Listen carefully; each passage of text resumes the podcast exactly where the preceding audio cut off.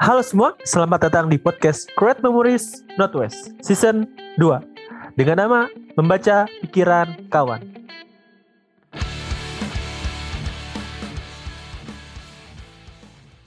Episode kali ini akan menghadirkan Hadi, mahasiswa sejarah dari Universitas Airlangga.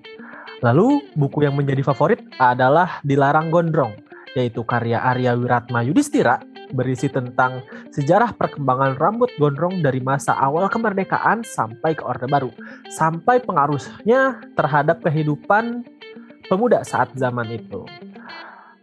Oke, kita mulai saja. Halo Abi, gimana kabarnya Abi? Alhamdulillah baik. Alhamdulillah baik. Di mana sekarang posisinya Abi? Posisi di Surabaya. Kebetulan oh. sekarang lagi di kos-kosannya teman. Oke, lagi di kos-kosannya teman. Habis itu dari Jakarta ya? udah berapa lama Bi, di Surabayanya? Surabaya teh tiga tahun hmm. dari 2018. Oh, udah udah pulang Bapak. ke Jakarta sempat? Sempat pulang ke Jakarta pas pandemi, cuman ke sini lagi bulan Maret. Oh, karena udah longgar juga ya, udah divaksin juga ya, ya udah. Alhamdulillah sudah. Alhamdulillah. Nah, saya tuh pertama ketemu Habib itu waktu ini ya, eh, SMA ya kelas 2 ya pindah ya mutasi nah. Kelas 2 iya. Kelas 2 terus kebetulan sekelas dan juga saya school juga di gitar 5 ya. Dulu tuh Habib mainnya bass ya, main bass kan.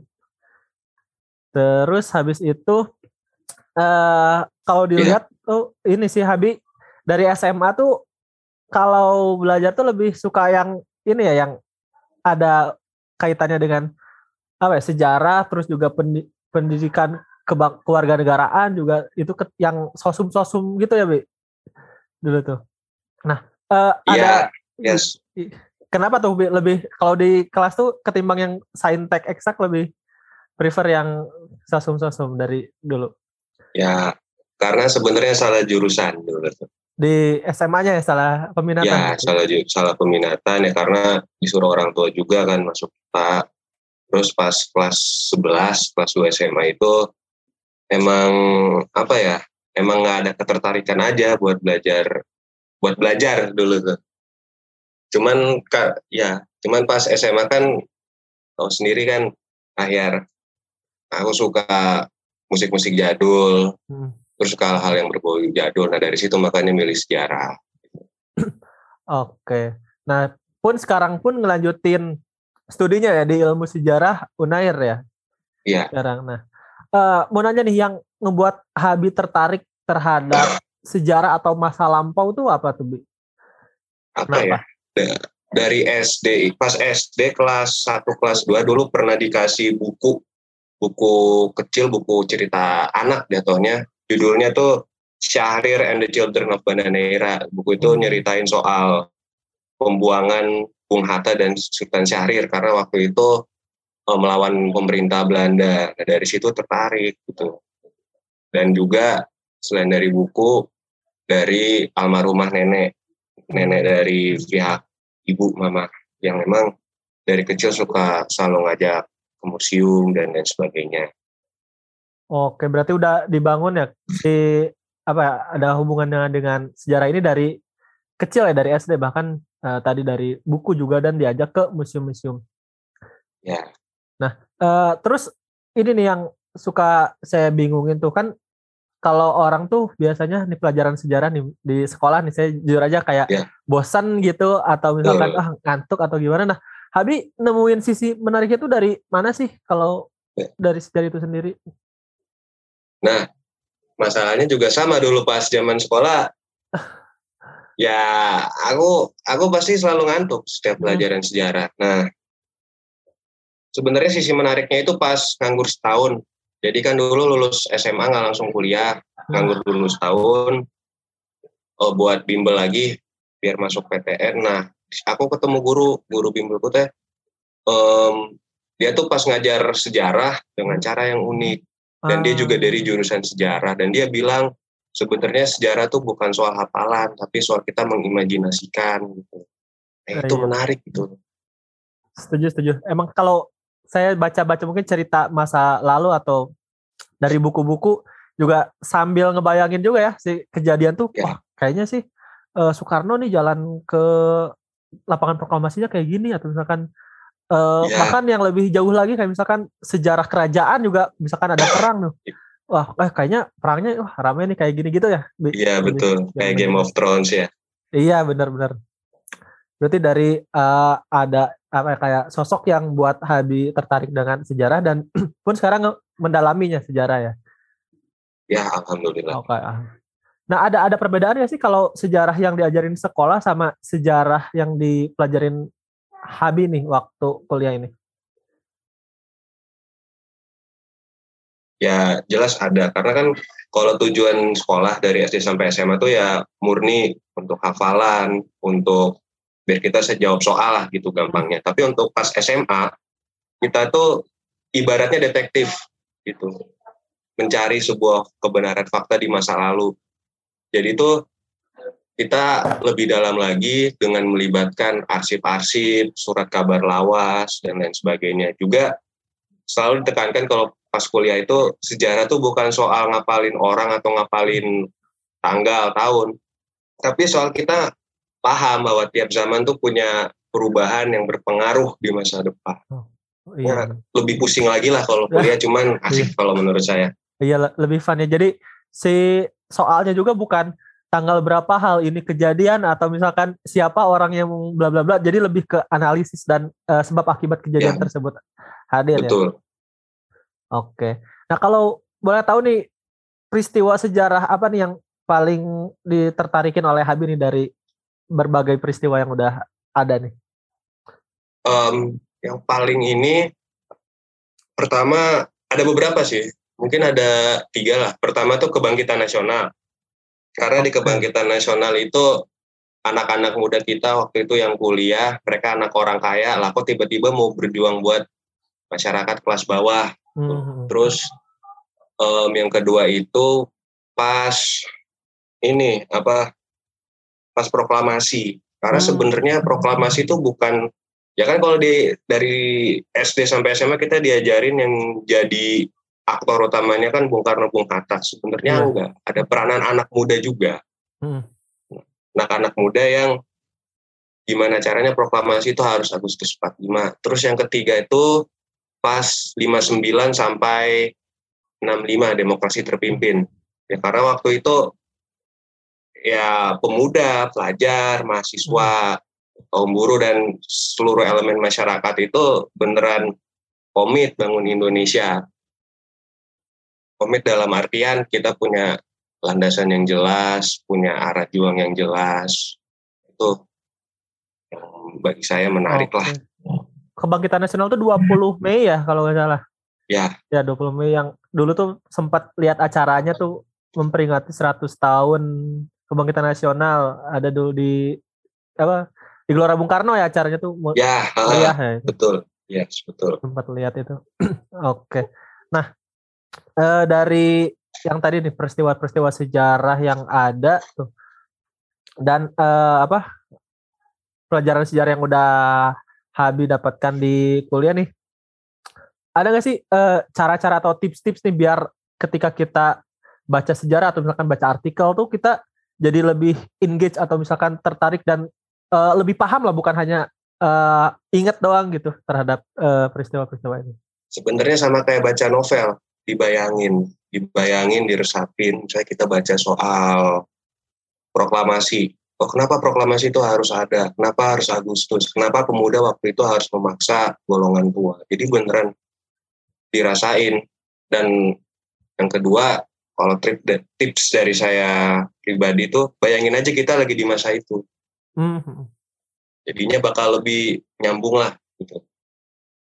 Ya, jadi kayak mesin waktunya lah gitu ya kita berangkat ke ya. masa lalu kita juga apa hadir lah ke saat-saat momen sejarah tersebut ya. Iya iya. Hmm oke okay, oke. Okay. Nah terus uh, selanjutnya nih mungkin kita sebelum uh, lanjut ke segmen berikutnya uh, ada apa pertanyaan juga nih kalau kira-kira uh, apa ya selain uh, kemerdekaan kalau yang Habi pelajari itu batas sejarahnya itu sampai berapa tahun sebelum sekarang tuh? Menarik ya. Kalau berdasarkan di dari textbook ya pengantar ilmu sejarah terus juga dari pembagian masa. Sebenarnya itu kita start dari zaman Majapahit sampai tak terhingga.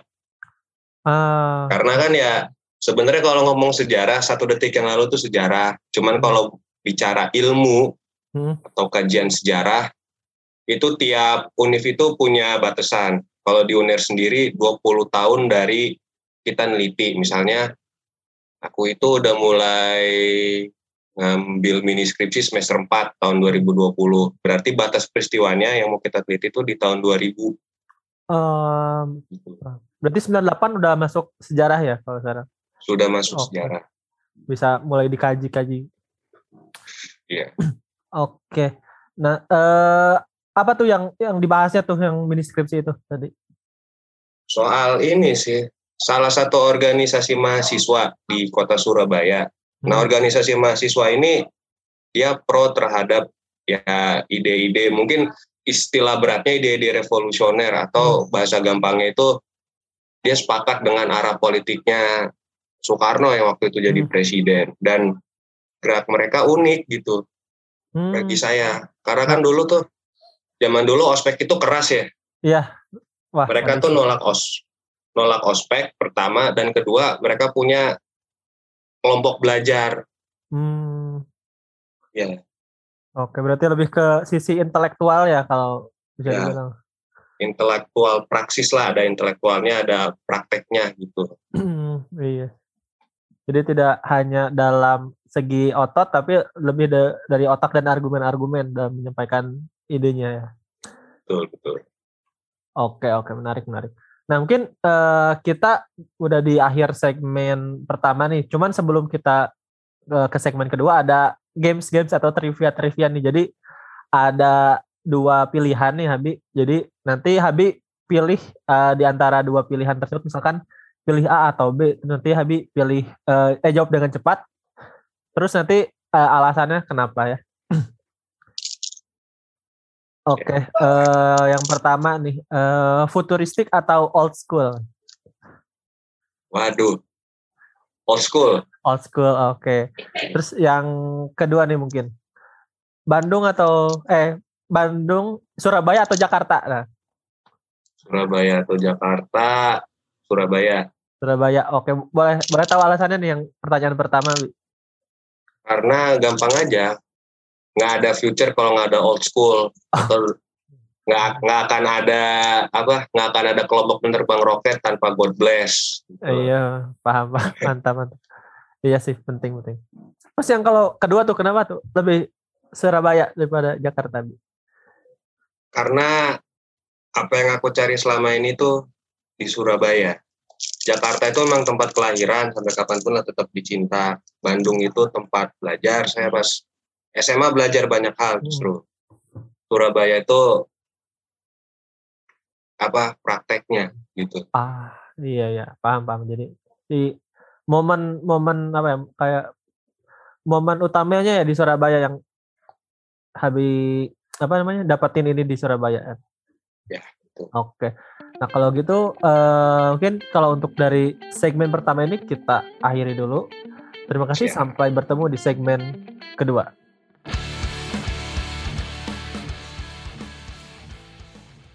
Di segmen kedua ini kita bakal membahas buku Dilarang Gondrong. Buku ini berisi mengenai sejarah dari awal mula adanya rambut gondrong di Indonesia pada zaman Orde Lama sampai Orde Baru dan dinamisasinya terhadap pemuda saat itu. Eh, halo Abi nih, mau nanya nih, kalau pertama kali tahu nih buku Dilarang Gondrong ini dari mana nih, Bi? Dari Instagram waktu zaman maba. Karena waktu itu kan karena saya suka musik-musik 70-an, Hmm. rock gitu rambut gondrong.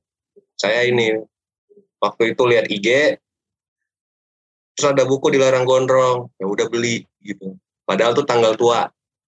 Oh iya, yang mana masih kalau kuliah tuh tanggal tua lebih baik buat makan ya sehari-hari sebenarnya Betul, betul. ketimbang buat apa barang-barang non esensial. Iya. Iya. Dan ternyata ya dari dari IG itu. Oke, berarti dari IG terus berarti belinya online ya atau langsung ada eh, ke toko buku ada online, online. Oke. online. Eh, ini yang saya mau nanyakan sebenarnya ini tuh buku ini tuh sebenarnya tuh tugas akhir ya, tugas akhir Ya, eh buat sarjana S1 dari si penulis terus eh, karena menarik terus eh, ke penerbit lah terus dan eh, diterbitkan ya bukunya si Dilarang Gondrong. Ya, Nah, kalau betul. Dilihat nih eh mungkin kan Habi juga nih gondrong nih rambutnya nih dari dari apa nih Habi eh, ma- mulai manjangin. Gondrong dari zaman maba, dari zaman maba terus pas pandemi disuruh potong sama mama katanya takut rambutnya membawa virus. Wah. Terus pas 2020 gondrongin lagi Oh berarti udah dua tahun ya sekarang. ya dua tahun. Oke ya sih sama, sama saya juga pernah kan dulu waktu maba Ya. sih dulu gondrong Hmm. terus cuman karena lumayan susah diatur ya kalau gondrong tuh rambutnya Betul. perlu perawatan betul. ekstra. Jadi di- ah udah mending pendek aja kalaupun panjang panjangnya gitu ya. nggak terlalu apa tergak ter- nggak terlalu susah diatur kayak gitu. Nah kalau dari yang Habi eh, rasain nih kan Habi berambut gondrong dengan apa yang diceritakan oleh penulis ada gak sih eh, kayak misalkan eh, sentimen-sentimen atau misalkan eh, tanggapan-tanggapan orang terhadap Habi itu sendiri waktu Habi berambut gondrong? Tanggapan orang ya terhadap rambut gondrong. Ya, kalau lingkup awal-awal justru pas zaman maba tuh banyak yang ini sih bukan kritik tapi ih ngapain sih gondrong gitu. Hmm. Ya saya juga paham kan. Ya dari SD kan kita nggak boleh gondrong.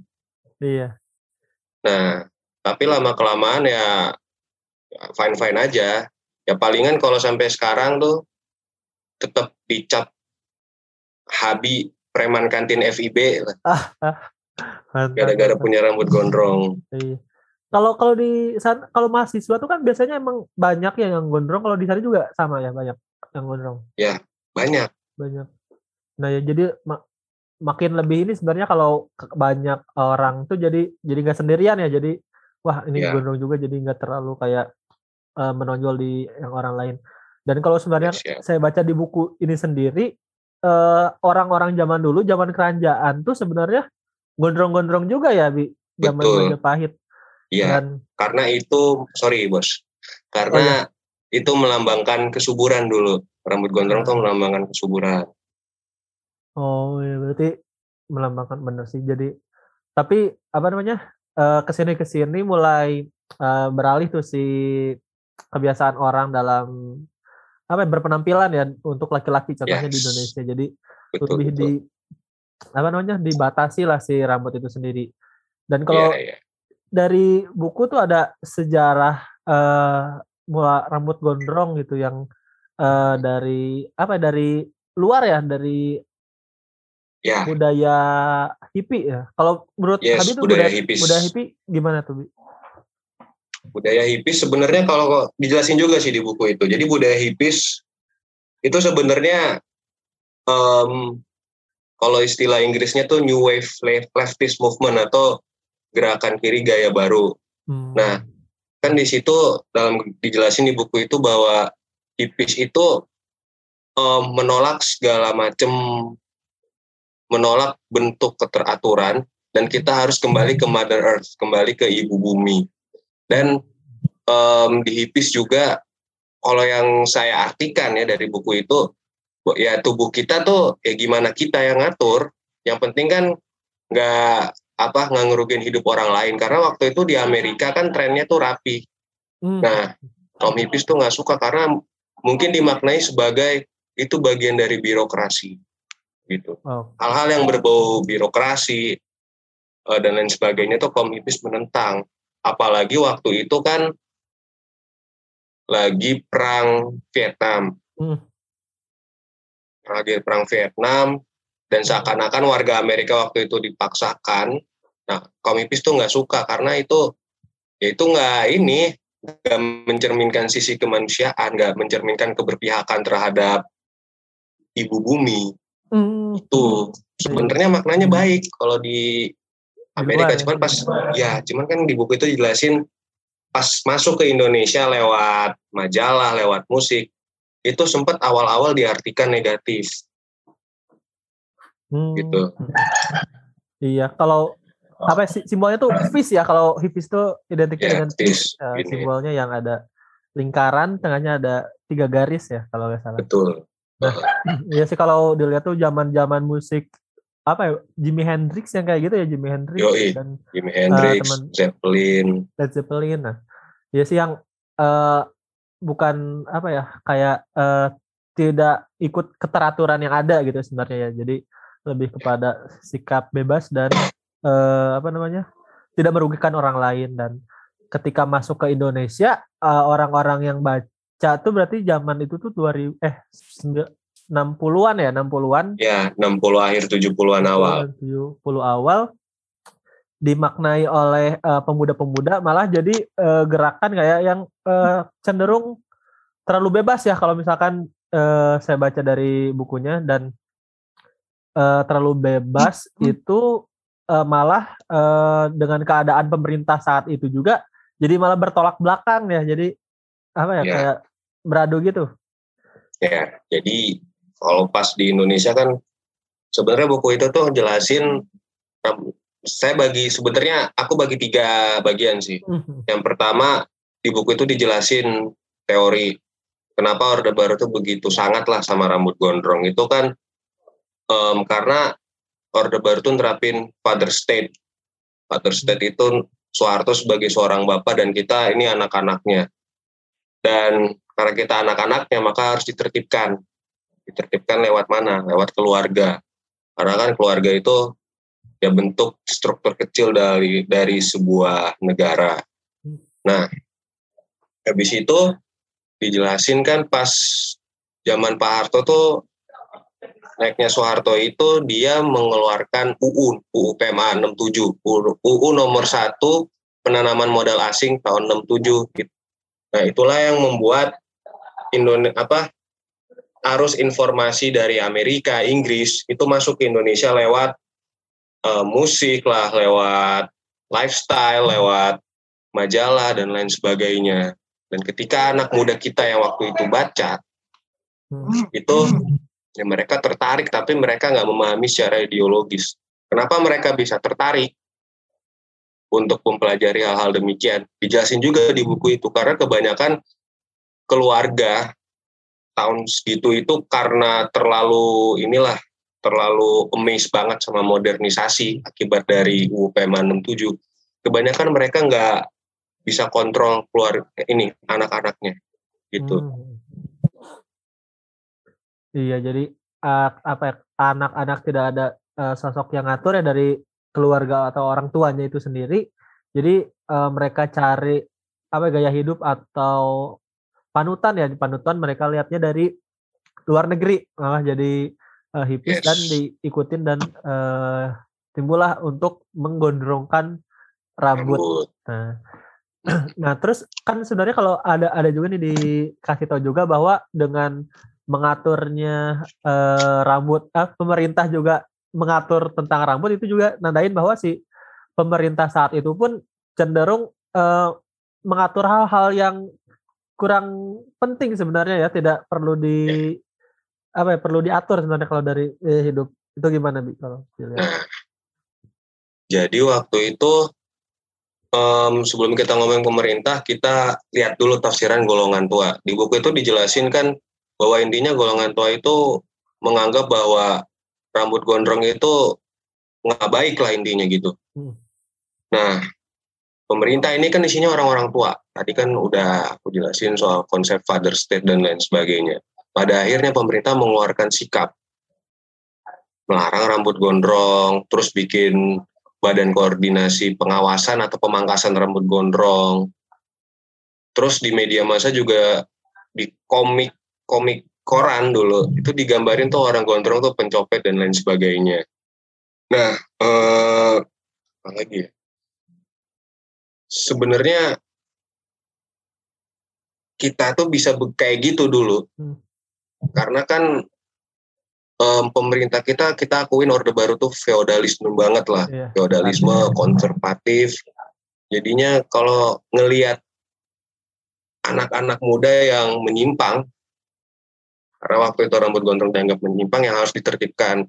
Dan efeknya lagi bahwa anak-anak muda, remaja, itu mereka nggak dianggap sebagai sosok karena dianggap wah nih terpengaruh barat segala macem. Ah, iya.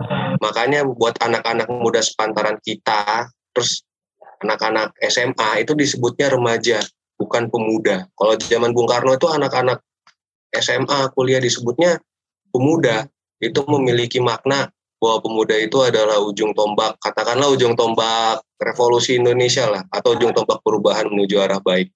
Zaman Orde Baru enggak jadi itu bukan hanya penertiban rambut, tapi emang penertiban gejolak anak-anak muda yang katakanlah punya potensi kritis, punya potensi untuk memberdayakan lingkungan dan masyarakatnya. Jadi itu sebenarnya maknanya dalam pelarangan rambut gondrong itu bagi iya. saya. Gak hanya dari sisi visualnya ya, tapi ada juga dari nilai-nilai yang dianut oleh. Orang-orang itu sendiri. Nah kalau dilihat tuh ada uh, sebenarnya kalau zaman dulu dan sekarang kan tentunya ada perbedaan tuh. Kalau sekarang tuh masa malah gondrong tuh tidak apa ya se di apa namanya direndahkan seperti dulu ya. Malah banyak uh, modal-modal modal-modal atau artis-artis atau tokoh-tokoh uh, nasional pun uh, rambutnya gondrong ya bi? Betul.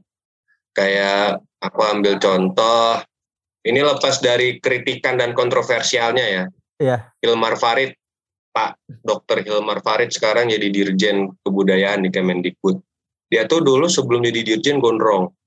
Dan sebelum jadi Dirjen dia udah terkenal sebagai sejarawan, peneliti, dan aktivis.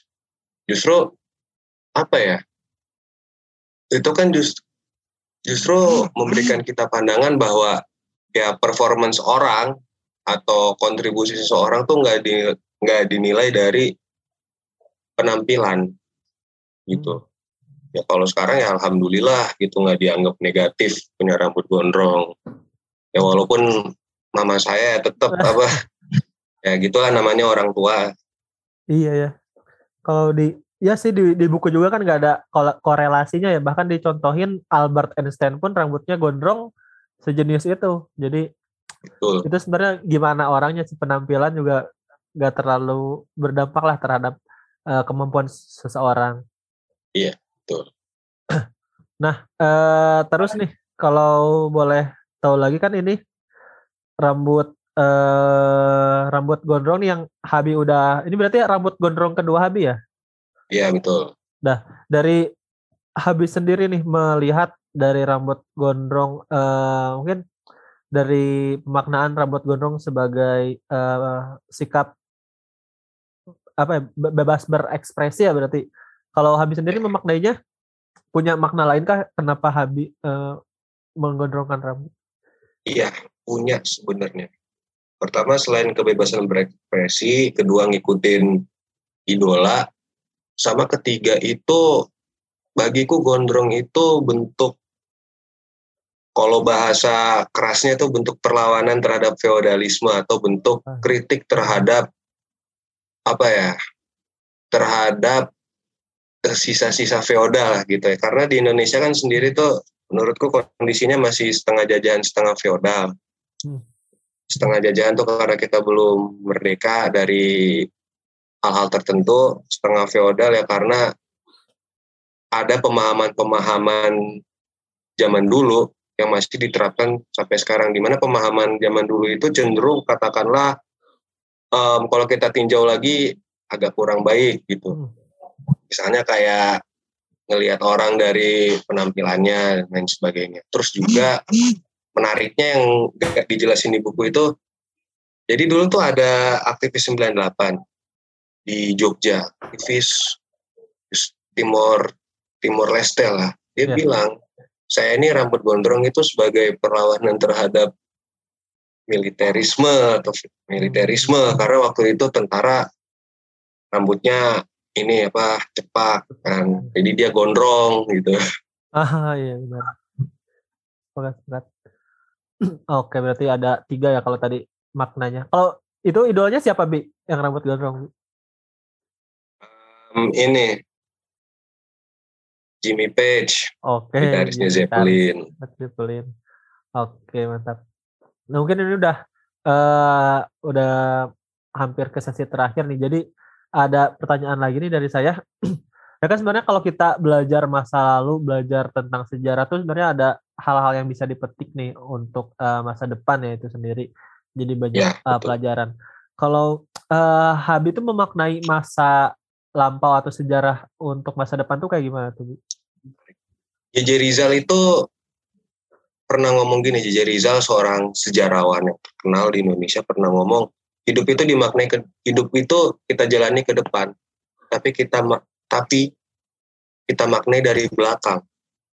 Jadi apa ya? Ya sejarah bagiku adalah sumber kebijaksanaan. Ada istilah historia magistra vitae. Sejarah tuh adalah um, adalah guru kebijaksanaan, adalah guru kehidupan. Nah, ini boleh namain dikit nggak ya? Silakan, silakan bebas. Soal bukunya.